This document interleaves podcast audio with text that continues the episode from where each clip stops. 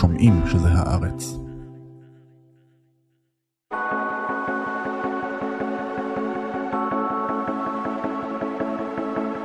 seven, six, five, four stage engine start. Three, two, one. Boosters in ignition.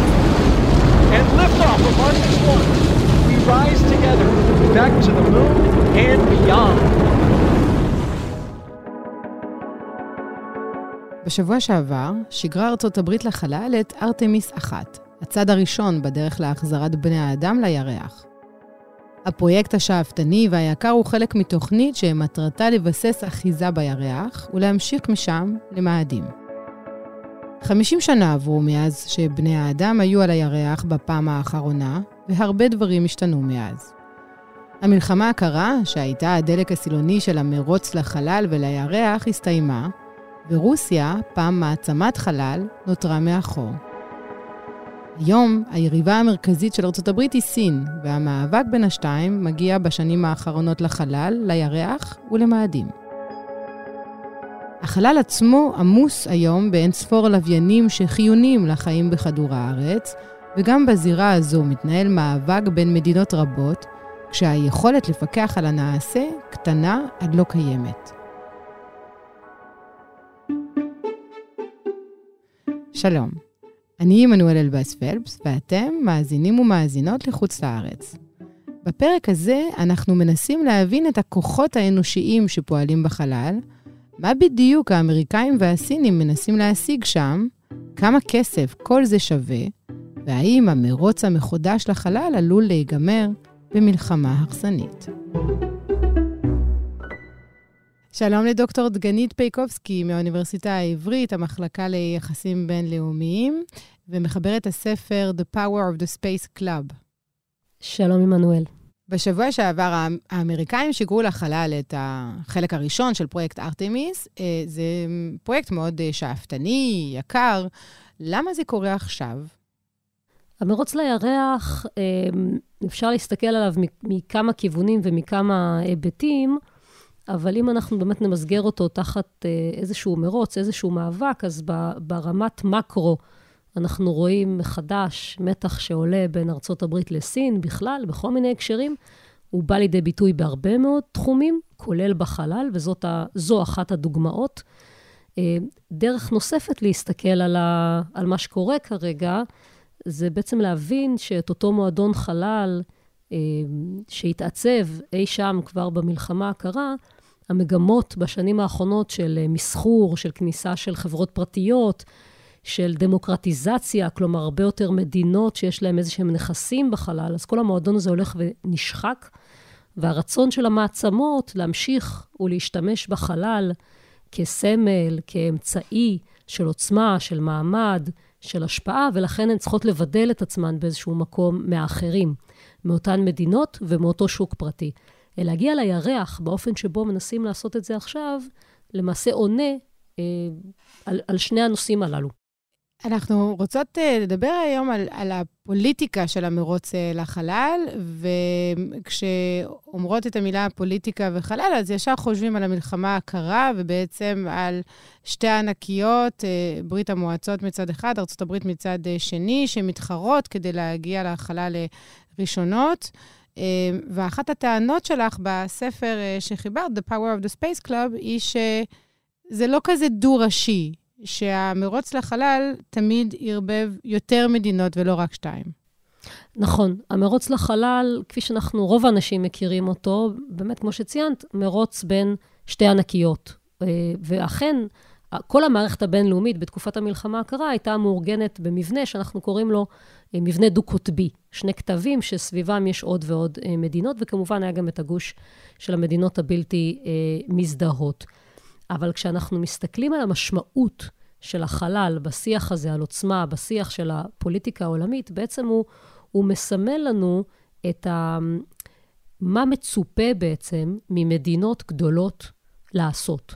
זאת אומרת, מדינות, בסופו של דבר, הן ישויות לומדות. הן רואות אחת את, ה, את השנייה, מה הן עושות, ויש להן הבנה של מה קורה במערכת הבינלאומית, מה נחשב יותר ומה נחשב פחות, מהם הסמלים ומהם האמצעים של העוצמה, שבאמצעותם אפשר לקבל השפעה, אפשר לקבל מעמד, ומזה הן לא רק מבינות את תמונת העולם, נקרא לזה ככה, הן גם יכולות לחבר את זה באופן יותר מעשי ואופרטיבי לשאיפות שלהן.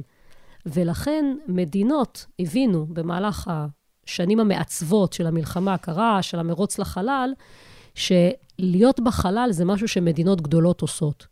ולכן אותן מדינות שתפסו את עצמן, ותופסות אגב עד היום ברובן, את עצמן כראויות לתואר הזה של מדינה גדולה, של מעצמה, למעשה הבינו את מה שקורה בין ארצות הברית לברית המועצות כמעין תוכנית מפת דרכים אופרטיבית עבורן להתעצם גם כן.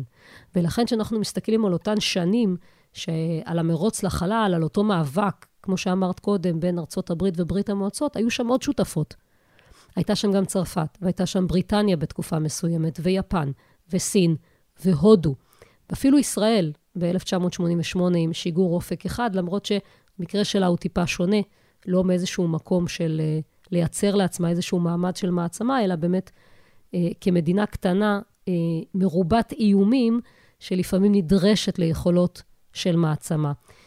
והעיקרון הזה עדיין תקף גם היום כשאנחנו מסתכלים על החלל בפוליטיקה העולמית, זה לא נעלם.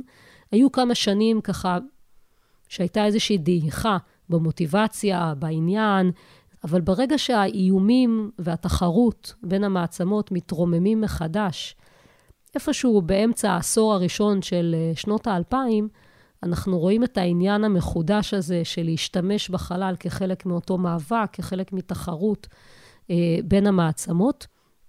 והיום יש לנו הרבה יותר שחקנים בתוך המגרש הזה, שמשיגים הישגים, שמעוניינים אה, לקבל לגיטימציה למעמד שלהם, לעוצמה שלהם, לייצר לעצמם השפעה. אה, ואז אנחנו יכולים להסתכל על הדינמיקה שמתרחשת בין החברות הוותיקות יותר, במה שנקרא המועדון הזה, לבין החברות החדשות, לחברות הפרטיות שמזנבות בהם לפעמים. אה, שיח מאוד מעניין ומורכב, הרבה יותר מורכב מלהסתכל על זה כאיזשהו מאבק בין שני, שתי ענקיות.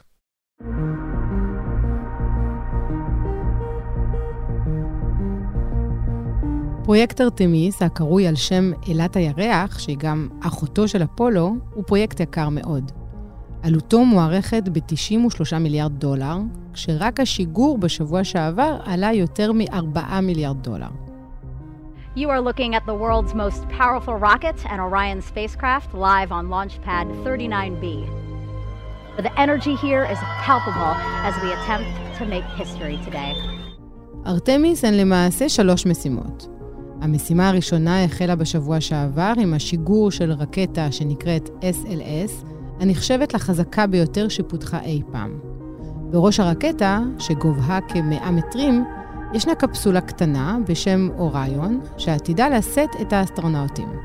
מטרתה העיקרית של ארתמיס 1 היא לבדוק את בטיחות הטיסה כהכנה לשיגור בני אדם במשימות הבאות.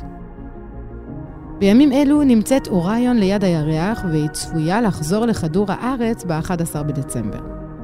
במידה ולא יהיו עיכובים משמעותיים, וכאלו בהחלט צפויים בשל אופי הפרויקט, ב-2024 תצא לדרך ארתמיס 2. במשימה זו ישוגרו אסטרונאוטים לחלל, יחלפו ליד הירח ויגיעו למרחק הכי רחוק בו בני האדם היו אי פעם מכדור הארץ. לאחר עשרה ימים ישובו האסטרונאוטים לארץ. שנה לאחר מכן, ב-2025, תשוגר המשימה השלישית, ובמהלכה יונחתו שני בני אדם בקוטב הדרומי של הירח, וישהו שם במשך שבוע. מטרת משימת ארתמיס היא לחדש את ההגעה של בני האדם לירח, והפעם השאיפה היא להקים בסיס קבע למחקר ותחנה בדרך ליעד הגדול באמת, מאדים. והיום את אומרת שהמימד של יוקרה ומעמד של מעצמה עדיין קיים, אבל יש גם במאבק הזה הרבה מאוד כסף, תשתיות, נכון. משאבים. מה, מה בעצם מחפשים בחלל? אז חשוב כאן לומר שלצד היוקרה והמעמד, תמיד החלל נתן גם תועלות מאוד מאוד מוחשיות. אוקיי? מדינה שמסוגלת לשגר לחלל, זה לא רק יוקרה, יש פה מסר אסטרטגי מאוד מאוד ברור באשר ליכולות הביטחוניות שלה, היכולות הצבאיות שלה, יכולות ההרתעה שלה, המסוגלות של כלל המשק להעמיד תוכנית חלל ויכולת לבנות לוויינים, לשגר אותם לחלל, בעצם מצריכה הרבה מאוד ידע ויכולות במגוון מאוד מאוד גדול של עולמות תוכן מדעיים וטכנולוגיים. אמ, וזה דורש מאמץ כלל לאומי, כלל מדינתי, עם הרבה מאוד אה, גם משאבים כספיים, וזה לא פשוט. ולכן מדינה שמסוגלת לעמוד בזה, אה, מעבירה מסר מאוד מאוד גדול של מסוגלות. לצד זה, ברגע שהיא משיגה את ההישגים הללו, חברות אחרות במועדון לרוב מקבלות אותה פנימה באופן שבו הן למעשה מוכנות לשתף איתה פעולה. ברגע שהן משתפות איתה פעולה, יש פה רווח מוחשי מאוד, גם כלכלי, גם ביטחוני, גם דיפלומטי, בכל ההיבטים הללו. זה עדיין נכון גם היום, רק שזה עבר איזושהי אבולוציה, איזושהי השתנות בין מה שראינו בשנות ה-60, ה-80, ומה שאנחנו רואים גם היום. כשבאמת בשנות ה-60, בעיקר אנחנו מדברים על מסוגלות טכנולוגית, על אה, רווח אה, שהוא בעיקר צבאי ו- מצד אחד, ודיפלומטי אה, מהצד השני, ועיקר התחרות היא, היא תחרות טכנולוגית, על הישגים טכנולוגיים. בשנות ה-80 זה מעט משתנה, ועיקר המאבק בין המעצמות בתחום החלל הוא בנגזרות הצבאיות שלו. הרבה מאוד פיתוח של מערכות טכנולוגיות מאוד מאוד קונקרטיות בחלל, שאנחנו אגב נהנים מהן גם היום בעולמות המסחרים האזרחיים. למשל? למשל, מערכות הניווט, GPS, מערכות אה, תקשורת, מערכות אה, חישה מרחוק, כל מיני מערכות שיש להן נגזרות מסחריות, אבל בשנים האלה פותחו בעיקר לטובת הפעילות הצבאית. יש לומר שכמעט כל פעילות החלל היא מה שנקרא dual use, דו-שימושית. אפשר לקחת אותה גם לעולמות האזרחיים, גם לעולמות הביטחוניים. אבל התכ... התוכניות לא מופרדות? אין, נגיד, לארה"ב תוכנית חלל צבאית מול תוכנית יש. חלל אה, אזרחית? כי גם דונלד טראמפ וגם עמנואל מקום בשנים האחרונות הודיעו על איזה גוף צבא, צבאי ממוקד חלל. נכון. אז, אז רגע, לפני שנגיע ממש למה שקורה אולי ממש בשנים האחרונות, יש מדינות שמפרידות יותר, יש מדינות שמפרידות את הדברים פחות. ארצות הברית מהיום הראשון, מהצעד הראשון, בעצם הפרידה בין הפעילות הביטחונית והפעילות האזרחית, אבל אנחנו רגע צריכים להסתכל איך זה נתפס ברמת העל. מה, מה ה... אמ, אם נאמר, מרכז הכובד. אז בשנות ה-60 מרכז הכובד הוא הפעילות האזרחית של נאס"א. בשנות ה-80 מרכז הכובד של הפעילות, הפעילות החלל בארצות הברית, וגם בכלל, ארצות הברית היא תמיד השחקן הדומיננטי, אז זה קל להסתכל עליה וממנה לגזור מה, מה קורה גם בשאר המקומות. אז בשנות ה-80 אה, של המאה הקודמת, עיקר הפעילות, עיקר, נקודת הכובד של פעילות החלל, אה, היא לטובת הפעילות הביטחונית הצבאית. משנות ה-90 ואילך זה הופך להיות הרבה יותר מורכב, כאשר בהדרגה, ב-15 שנים האחרונות, בעשר שנים האחרונות, פעילות החלל, המושג הזה שנקרא עוצמת חלל, הולך ונעשה הרבה הרבה יותר כלכלי. אה, וזה משהו חדש, וזה מעצב ומשנה את הדינמיקה, את האסטרטגיה של מדינות, את מערכות היחסים בין מדינות, בין מדינות והשוק הפרטי שלהן. אה, זה משנה את החשיבות אולי של התאגידים הגדולים, ונותן מקום פתאום גם לחברות סטארט-אפ. ובהדרגה, בחמש, שבע שנים האחרונות נכנס לנו מושג חדש, והוא מושג ה ecosystem. ופתאום אנחנו רואים את רוב המדינות עוסקות, לא בעצם מצהירות שהמטרה שלהן היא לא לפתח תוכנית לאומית, אלא לפתח ecosystem לאומי, שזה הרבה מעבר לזה, שזה הרבה יותר מורכב, כי זה בעצם רותם את כלל המשק, את האקדמיה, את התעשייה, את החברה האזרחית וגם את השחקנים הממשלתיים. וזה בעצם מה שאנחנו רואים היום, כולל בתוך תוכנית ארתמיס, שעל פניו אנחנו יכולים להמשיך ולהסתכל עליה במובן המאוד מאוד צר, ולהגיד, טוב, זה שכפול של אפולו משנות ה-60, רק בגרסה של המאה ה-21. אבל, אבל זה קצת אה, צר מדי ופשטני. אם אנחנו נסתכל על זה דרך האבולוציה הזאת שעובר המושג הזה של עוצמת חלל, אנחנו נבין טוב יותר מה קורה היום ולאן זה הולך בעתיד. כי ארתמיס רק תחנה בדרך. זה לא, זה לא על הכאן ועל העכשיו, זה על העתיד. איך רותמים את ההגעה לירח כדי להגיע למאדים, איך מייצרים בעצם כלכלת חלל שהיא מתרחשת בחלל. ארתמיס זורעת את הזרעים האלה. תסבירי לי בבקשה מה זה אה, כלכלת חלל שמתרחשת בחלל. כי אני שומעת כלכלה, אני שומעת כסף, ואז אני חושבת על המשאבים על הירח שסין מכוונת אליהם. זה חלק מהעניין, זה לא רק. זה, זה חלק מה, מהעניין הזה. ואגב, ב, בהסתכלות מאוד מאוד מערבית, אז אנחנו ישר אומרים, כן, סין מכוונת לזה, היא רוצה לקחת את זה מאיתנו וכולי. כולם רודפים אחרי זה. כולם. יש כאלה שיותר, יש כאלה שפחות, ארה"ב היא חלק מהעניין. מה יש על הירח שכל כך אה, יקר ערך? בירח יש הרבה מאוד משאבים שיכולים לעזור בלבסס אה, חיים ופעילות אנושית מחוץ לכדור הארץ. למשל, אם ישנם מים, אפשר לפרק אותם לחמצן ולמימן, להשתמש בהם להנאה, לאנרגיה. יש אה, חומרים אחרים שאפשר להשתמש בהם כדי לבנות מבנים. אה, שאם אנחנו בעצם נבנה מבנים בירח, אה, ונשתמש בהם למשל כדי להגיע למאדים, זה יהיה הרבה יותר אפקטיבי מאשר לבנות אותם על כדור הארץ ולשגר אותם החוצה. בגלל, למשל, הצורך בלגבור על כוח המשיכה פה, שהוא הרבה יותר, פה זה כמובן הכוונה לכדור הארץ, הוא הרבה יותר חזק מכוח המשיכה שנמצא על הירח. אבל כשאנחנו מדברים על כלכלת חלל שמתרחשת בחלל, השם אגב, שנתנו לה בארצות הברית זה Seas Lunar Economy, כלומר, כלכלה שמתרחשת בין כדור הארץ והחלל. הם מרחיבים את זה ומתייחסים גם למאדים. זה אומר שיקומו לנו חברות שכל הפעילות מתרחשת בחלל.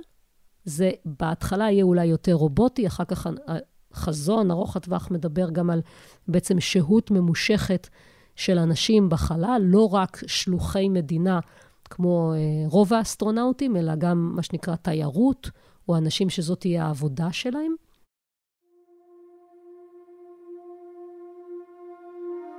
China intends to be a space power, to walk on the moon and eventually establish a lunar base.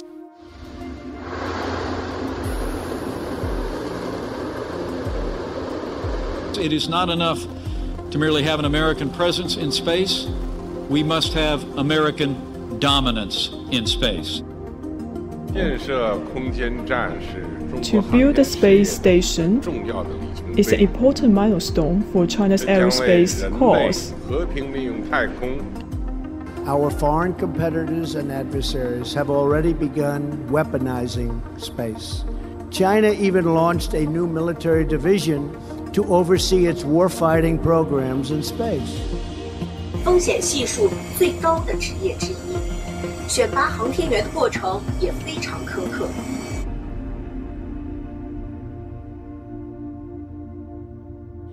אז, אז אם את מדברת על, על שוק שמתרחש בחלל, זה גם אומר שיש פה את העניין של בעלות, או של למי זה שייך, או מי מרוויח ראשון. זה נכון לגבי ההגעה למאדים, לירח, למשאבים, וזה נכון גם אה, לגבי חלוקת החלל עצמו, ואיך זה עובד? כי, כי יש אמנות, יש את אמנת הירח, יש אמנת החלל, אבל לא כולן חתומות על כל האמנות. מה העיקרון? The first arrived, first served? אמת, יש, יש כמה אמנות, אה, ציינת, ציינת אה, את חלקן, יש בחמש אמנות. כולן נוצרו, אגב, בימי המלחמה הקרה, מה שאומר לנו משהו על ה, אולי על הבעיות או על תפיסות העולם שהם נועדו לשרת. אז נגיד רגע כמה מילים לעומק על אותן שתי אמנות שהזכרת, שהן החשובות בעיניי כרגע לענייננו. אמנת החלל החיצון, 1967, הראשונה שבהן, אולי היינו יכולים להגדיר אותה אפילו כמעין המגנה קרתא של הרגולציה או של ההסדרה של מה מותר ומה אסור ואיך פועלים בחלל, והיא קובעת עיקרון אחד מאוד ברור, החלל לא שייך לאף אחד. על פי העיקרון הזה, באמת, אני לא יכולה לקחת אה, ריבונות, אוקיי? להגדיר ריבונות בחלל, אבל כן אפשר להגדיר אולי בעלות, וכן אולי אפשר להגדיר זכויות קניין.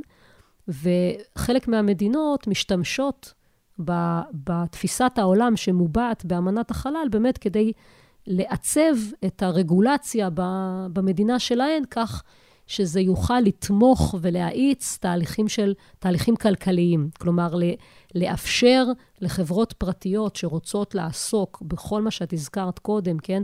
הפקת חומרים בחלל, יש שקוראים לזה קריאת מחצבים, פעילות בחלל. אה, החברות האלה זקוקות לרגולציה, למישהו שיסדיר את מה שקורה ויגיד מה מותר ומה אסור. וכבר היום יש לנו כמה מדינות שהלכו לפי העיקרון הזה, ובעצם הגדירו זכויות קניין בחקיקה הלאומית שלהן על גבי גופים שמימיים. ארצות הברית, יפן, איחוד האמירויות, לוקסמבורג. אז זאת אמנת החלל החיצון ש, אה, שהסברת לנו הרגע. מה לגבי אמנת הירח? נכון. אז אמנת הירח בעצם מציגה תפיסת עולם אחרת, והיא קובעת שהירח שייך לכולם. את מבינה שזה הפוך לגמרי. זאת אומרת, יש הבדל בין מצב שבו אה, השטח לא שייך לאף אחד, ואז אפשר, לא צריך בעצם לבקש רשות, אפשר להשתמש בו אה, במובן הזה של קניין, להבדיל ממצב שבו השטח שייך לכולם, ולכן כדי לעשות בו שימוש, על פניו, צריך לבקש רשות. אה, ועכשיו אני בעצם... מבינה למה ארצות הברית, סין ורוסיה לא הסכימו לחתום על אמנת הירח. יפה. אמ, אפילו הרבה יותר מזה, זאת אומרת, על אמנת החלל החיצון, בערך שלושת רבעי ממדינות העולם חתמו ואשררו אותה. בעוד שאמנת הירח חתמו עליה, למיטב זיכרוני, 25 או 24 מדינות, ורק צרפת, מבין חמש המעצמות, אה, חתומה עליה. באמת בגלל הקושי הזה ש, שעולה מהאופן, מתפיסת העולם, שמובעת. סליחה, אבל צרפת ושאר המדינות החתומות על אמנת ירח הן אה, פרייריות, כאילו, עכשיו אה, הגיע השלב שכולן נמצאות שם, יתחילו לח, לחלק את השולל, ורק החתומות על אמנת ירח לא יקבלו שום דבר. אז גם זה, את יודעת, עניין של אנחנו עוד נראה איך הדברים אה, ימשיכו ויתעצבו. וזה, אבל זה המקום, אני חושבת, אולי להסתכל על עוד פעילות שארצות הברית עושה במסגרת המיזם הגדול הזה שנקרא ארתמיס. וכאן אני מכוונת לארתמיס אקורדס. On behalf of all the men and women across our great nation who have worked to bring this hardware together to make this day possible, at this time I give you a go to resume count and launch Artemis 1. תחת הכותרת של ארתמיס, של המיזם הזה, יש, אה, יש שני אלמנטים. אלמנט אחד הוא הפרויקט הטכנולוגי, שהשיגור של ארתמיס 1 התרחש ממש אה, לאחרונה. לצד זה, באמת כדי לעצב את הנוכחות שלהם בירח ואת את אותה, לממש את אותו חזון של כלכלת חלל, הם בעצם מבינים שהם נדרשים גם לעצב סדר איזשהו סדר עולמי, סדר חללי. למה הכוונה? סוג של כללים מוסכמים, מה כן ומה לא. ופה הם, הם עיצבו אה, הצעה ראשונית שנקראת ארתמיס אקורדס. אה, זו איננה אמנה, אבל זו איזושהי הצהרת כוונות או הצהרת עקרונות, אפשר לומר, של איך נכון לפעול בירח ובכלל, במסגרת של אה, אותה כלכלת אה, חלל. למשל, מאחר ואין אה, יכולת לקבוע ריבונות, ובירח, כמו שאמרנו קודם, הם אמנם לא חתומים, אבל הם מבינים שכדאי אולי לפעול יותר, ביתר זהירות. אז הם מבקשים מהשותפות להסכמי ארתמיס לקבל את הרעיון של אזורי בטיחות, safety zones. למה הכוונה? שברגע שמישהו השתקע, מצא לו איזשהו אזור, האחרים יכבדו את האזור הזה. ולא ייכנסו בלי, בלי סוג של רשות. ויש היום גוף רגולטורי שמפקח על הכל? כי נגיד, אם אני לא טועה, לכל לוויין יש מחויבות אה, להיות עם איזה מספר סידורי או איזו אפשרות אה, לזהות אותו, ולהבנתי, אה, רוסיה לא תמיד מכבדת את העניין הזה. אז כן, יש לנו כל מיני הגדרות לאיך מתנהלים, מה מותר ומה אסור, אבל זה תחום יחסית חדש. זה תחום שנמצא אה, ממש ממש בחיתוליו. ובגדול, רוב הדברים לא מוסדרים. אפשר לשגר בלי לקבל רשות, אין, אין איזושהי ישות עולמית שמגדירה מי יכול, מתי יכול וכולי. ולאט לאט ובהדרגה נכנסים כל מיני כללים. חלקם uh, מחייבים יותר משפטית, חלקם, חלקם פחות. בעיקר אנחנו חסרים בכללים שיעצבו את הפעילות מחר, זאת אומרת, את הפעילות העתידית. זה נשמע שמדובר בחלל שיש בו, אה, למי שנמצא שם יש השפעה, יש כוח, יש מעמד, אין ממש חוקים, יש תחרות מאוד גדולה להיות שם, זה זירת המעצמות. כל זה יכול להתפתח למלחמה בחלל? בוודאי. זאת אומרת, האופציה תמיד קיימת, כמו שהיא קיימת גם על, אה, על כדור הארץ, כן? אנחנו בסופו של דבר נותנים ביטוי של הפוליטיקה בין המעצמות בתחום הזה של החלל. אה, ובמידה רבה, לפעמים אפשר לומר שאנחנו משעתקים את הפוליטיקה, את מה שקורה, את הדינמיקה שבין המעצמות מכדור הארץ אה, גם לחלל. שזה יכול להסביר למה סין, למשל, בונה תחנת חלל נפרדת. נכון, ולמה ארצות הברית מסרבת בתוקף כבר הרבה מאוד שנים לאפשר לה להצטרף לתחנת החלל הקיימת. למה בעצם? מתוך אותו מקום של תחרות ביניהן. חשש לריגול? זה יותר מזה. חשש לריגול הוא משהו נקודתי יחסית, כן? אבל זה הרבה יותר מזה. השותפות במיזם הענק הזה של תחנת החלל הוא פריבילגיה. והשאלה באיזה תנאים אתה חולק כזו פריבילגיה עם היריב שלך. Hello, I'm Sunny Williams. I'm up here on the International Space Station. So we're going into the Russian segment. Be ready. You don't need a passport either. Inaudible. This view from Soyuz looking uh, down at the docking port on the Rosviet module. The LED is on. About 30 meters, 30. אם נסתכל, תחנת החלל, אגב, היא מקרה מצוין לנתח אותו באופן הזה, כי הרעיון המקורי שלה, קראו לה אז Freedom ולא ISS, ISS זה International Space Station, אבל השם הראשוני שניתן לה היה Freedom, זה היה בתקופת רייגן בשנות ה-80, בשיא החלק השני, נקרא לזה, של המלחמה הקרה. אמ, וארצות הברית יזמה את, ה, את תחנת החלל אז כמיזם מערבי, לעומתי לברית המועצות. הנה, אנחנו עושים עוד פעם מיזם גדול בתחום החלל, משהו שאף אחד עוד לא עשה, כדי להראות כמה שאנחנו יותר טובים. ואז קרסה ברית המועצות והמלחמה הקרה הסתיימה, וכשהתחילו ככה שנות ה-90, הייתה הבנה גדולה בארצות הברית שצריך לייצב את המצב ברוסיה. גם כלכלית, גם ביטחונית. רוסיה כמעצמת חלל, יש לה הרבה מאוד ידע, יש לה טכנולוגיה, יש לה מוצרים, אוקיי? יש לה טילים בין-יבשתיים שבקלות, יחסית, כן? אפשר להסב אותם גם למשגרים, לחלל.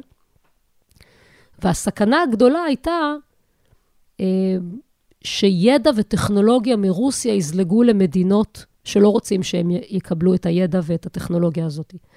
מנגד, הייתה, היה רצון מאוד גדול שרוסיה תעבור תהליכים של דמוקרטיזציה, אם תרצי אולי התמערבות, כן, שתהיה יותר מערבית, שתאמץ את הסדר הכלכלי הליברלי, הקפיטליסטי, הדמוקרטי.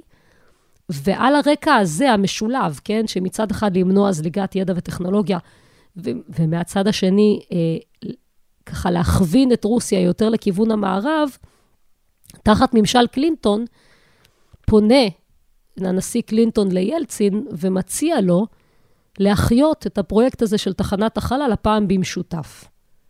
בעצם ארצות הברית נותנת פריבילגיה מאוד גדולה לרוסיה, מביאה אותה לתוך הקבוצה הזאת, המובחרת, אפילו מוכנה לשלם מחיר, כן? לשנות את המסלול המתוכנן לתחנה כדי שהמשגרים של רוסיה יוכלו להגיע לשם, וזה משנה לגמרי את הטכנולוגיה, את, מש... את התקציבים. היא, היא מוכנה לשלם מחיר, אה, אבל לצד הפריבילגיה הזאת, היא מבקשת מרוסיה כל מיני דברים. למשל, ב-95 רוסיה מצהירה שהיא מאמצת את העקרונות של משטר ה-MTCR, שזה המשטר למניעת תפוצה של טילים, של טכנולוגיית טילים. כל מיני דברים שארצות הברית רצתה ממנה כדי להכניס אותה לאותו סדר עולמי שהיא ניסתה אה, לייצר. אז לצרף את סין פתאום, על איזה רקע? אוקיי? אם באמת, זאת אומרת, מבחינת ארצות הברית, אה, זה, זאת פריבילגיה מאוד מאוד גדולה. והיא לא תיתן את זה בכזו קלות ליריבה שמתחרה בה ואולי עשויה להשתמש בזה כנגדה. 5, 4, 3, 2, 1, ignition. There's the booster kicking in. And liftoff. Liftoff. Just spectacular. The launch of Shenzhou 12 spacecraft heading to the Chinese space station. The Divine vessel shipping away. אמרת קודם לכן שארצות הברית בעצם מאז ומתמיד מובילה בחלל, אבל בשנים האחרונות סין מתקרבת, ועכשיו מפתחת איזה 6G מאוד משוכלל ודברים אחרים. עד כמה באמת סין מתקרבת, והאם היא יכולה לעקוף את, את ארצות הברית במרוץ לחלל? אנחנו צריכים רגע להבין שזה מאוד מאוד מורכב ויש פה הרבה מאוד תחומים. קודם כל, ארצות הברית בחלל היא באמת המדינה הכי מובילה והכי דומיננטית אה, בכל קנה מידה. ארצות הברית משקיעה בחלל יותר מכל המדינות ביחד, כולל סין. אמ, והרבה פעמים, אבל הרבה פעמים נוח לה, אה, מהרבה מאוד סיבות פוליטיות, להציג את סין כמי שעוד רגע עוברת אותה. זה נכון שבהרבה מאוד תחומים היא מאוד מאוד מתקדמת, סין. בין היתר, כי מה שנטש את ארצות הברית זה הרצון הפוליטי. הרצון הפוליטי בארצות הברית חזר עם טראמפ? אני חושבת שעדיין גם עם טראמפ, כבר לא מעט זמן שארצות הברית אה, באיזשהו סוג של תהליך של חיפוש. ובמובן הזה אולי סין עושה לה טובה גדולה שהיא מהווה איזושהי תחרות. כי ארצות הברית טובה ב- בלהתחרות, טובה ב state of mind הזה, ואני חושבת שארצות הברית אולי זקוקה לסין במובן הזה, כדי שיהיה לה איזשהו drive, שהיא תוכל להצדיק גם כלפי הקונגרס, כלפי הציבור מבית, למה משקיעים כל כך הרבה כספים, כי זה, כי זה לא בהכרח כל כך מובן אה, מאליו. This month, Russia released military video of its new missile systems, capable of intercepting other missiles, aircraft, and satellites. What few expected was this that Russia would shoot down one of its own defunct satellites, dispersing an estimated 1,500 pieces of shrapnel into orbit, threatening some of the 3,400 active satellites above Earth. אז תשימי לב שדי בטבעיות, את לא הזכרת בעצם, את השחקנית, חושבת, האולטימטיבית שהייתה לנו, את רוסיה, ברית המועצות. באופן טבעי ככה אנחנו עוברים ואנחנו אומרים, רגע, זה עכשיו ארה"ב וסין. אני דווקא הייתי רוצה להתעכב רגע, כי דווקא זה שאת רוסיה אנחנו לא כוללים, אומר לנו הרבה מאוד על איך נראה היום מרכז הכובד של התחרות הזאת. זה חוזר למה שאמרתי קודם, אותה אבולוציה שעברנו ביחס לפעילות בחלל, מדגש על עליונות טכנולוגית, לדגש על פעילות אופרטיבית צבאית, לדגש כלכלי. סין וארצות הברית שמות דגש מאוד מאוד גדול על כלכלה, על פיתוח ecosystem, על קידום המשק בכללותו, ויש להם חזון כלכלי ביחס לחלל. רוסיה חסרה בכל המימדים הללו, ולכן אנחנו לא כוללים אותה שם בכלל. וזה די מפתיע, זאת אומרת, זה, זה, זה מאוד מאוד מעניין, כי דרך, דווקא דרך ההסתכלות מי לא נמצא במרוץ החלל, אנחנו יכולים להבין אה, במה הוא עוסק עכשיו. אבל אם נמצאת בחלל, מה, מה היכולות הטכנולוגיות שלה וכמה היא משקיעה בזה? היא נמצאת במקומות מאוד מאוד מסוימים בחלל, היא מש, בעיקר משמרת יכולות, והמקומות שבהם היא מפתחת חוזקות, הם, אה, לפחות כפי שאני רואה את זה, אני מזמינה ביקורת, זה בצד הביטחוני. לפני שנה, רוסיה ערכה ניסוי בנשק אנטי-לווייני, והשמידה לוויין משלה. אה, זה היה בנובמבר, ב-15 בנובמבר 2021. בעיניי, אגב, זה חלק. חלק בלתי נפרד מהתהליך שהגיע אחר כך, שהוא הפלישה לאוקראינה. הניסיון למצב את עצמה עדיין כמעצמה, אבל על בסיס החוזקות שהיא מניחה שיש לה ושהיא הייתה רוצה שהסדר העולמי יהיה סביבם, שזה בעצם החוזקות הטכנולוגיות, הממשלתיות, הביטחוניות, אה, אבל העולם הלך למקום אחר. העולם הולך למקום הכלכלי. ואני מתחברת למשפט האחרון שלך, העולם הולך למקום כלכלי, ושואלת האם בכך צריך להבין את ההפרטה של אה, המרוץ לחלל בארצות הברית. התהליכי ההפרטה והמסחור הם לא סיפור חדש. הם התחילו בארצות הברית כבר בממשל רייגן.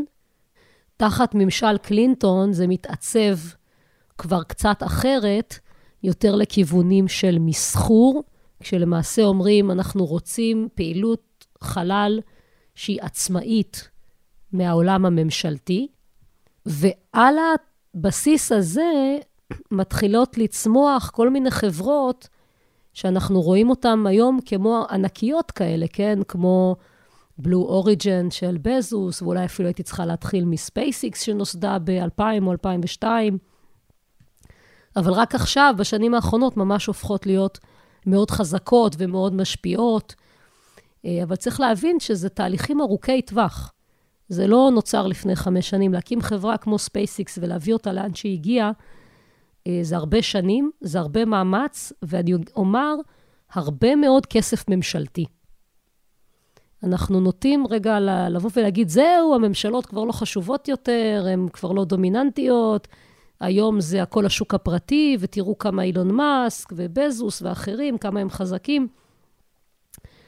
יש פה מערכת אה, של כלים שלובים בין השוק הפרטי ובין הממשלות.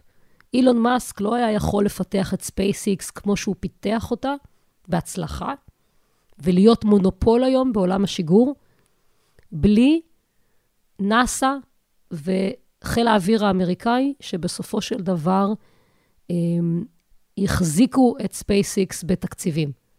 זאת אומרת, בהזמנת עבודה, בהבעת אמון, זה, זה, זה היתרון האמריקני הוא דווקא דרך החברות הפרטיות האלה, שמאפשרות בעצם לממשלות גם במימון, אבל לעבוד מהר יותר, לפתח טכנולוגיות מהר יותר. אני שואלת את זה כדי לחזור ליריבות מול כן. סין, שאצלה הכל מרוכז. תראי, ימים יגידו, אוקיי? במידה מסוימת אנחנו, אפשר לומר שאנחנו חוזרים לאותו דפוס שהכרנו בשנות ה-60, של שתי תפיסות עולם אה, פוליטיות וכלכליות שמתחרות אחת בשנייה, מי תייצר בסופו של דבר את הפורמט היעיל יותר והמוצלח יותר. אז פעם אחת זה הצליח, אוקיי? בשנות ה-90, פוקויאמה מכריז, קץ ההיסטוריה, ניצחון הסדר הדמוקרטי הליברלי. ימים יגידו מה, מה יהיה במקרה הזה, מי יצליח לייצר את הסדר העולמי היעיל, האפקטיבי, המוצלח יותר. ולכן, לא פחות מאשר על הטכנולוגיה, אני מציעה להסתכל על האופן שבו אה, שני הצדדים הללו, הטיטנים הללו, מעצבים את הסדר העולמי מבחינתן. דוקטור דגנית אה, פייקובסקי, תודה רבה לך. תודה לך, עמנואל. I'm an alligator. I'm a mama, papa coming for you. עד כאן הפרק הזה של חוץ לארץ. אותנו אפשר למצוא תמיד באתר ובאפליקציה של עיתון הארץ, וגם בכל אחת מהפלטפורמות שבהן אתם מאזינים ומאזינות לפודקאסטים. תודה רבה לאסף פרידמן, תודה לאברי רוזן צבי, תודה לאמיר פקטור, לשני אבירם ורועי סמיוני. אני עמנואל אלבאס פלפס, נשתמע בשבוע הבא.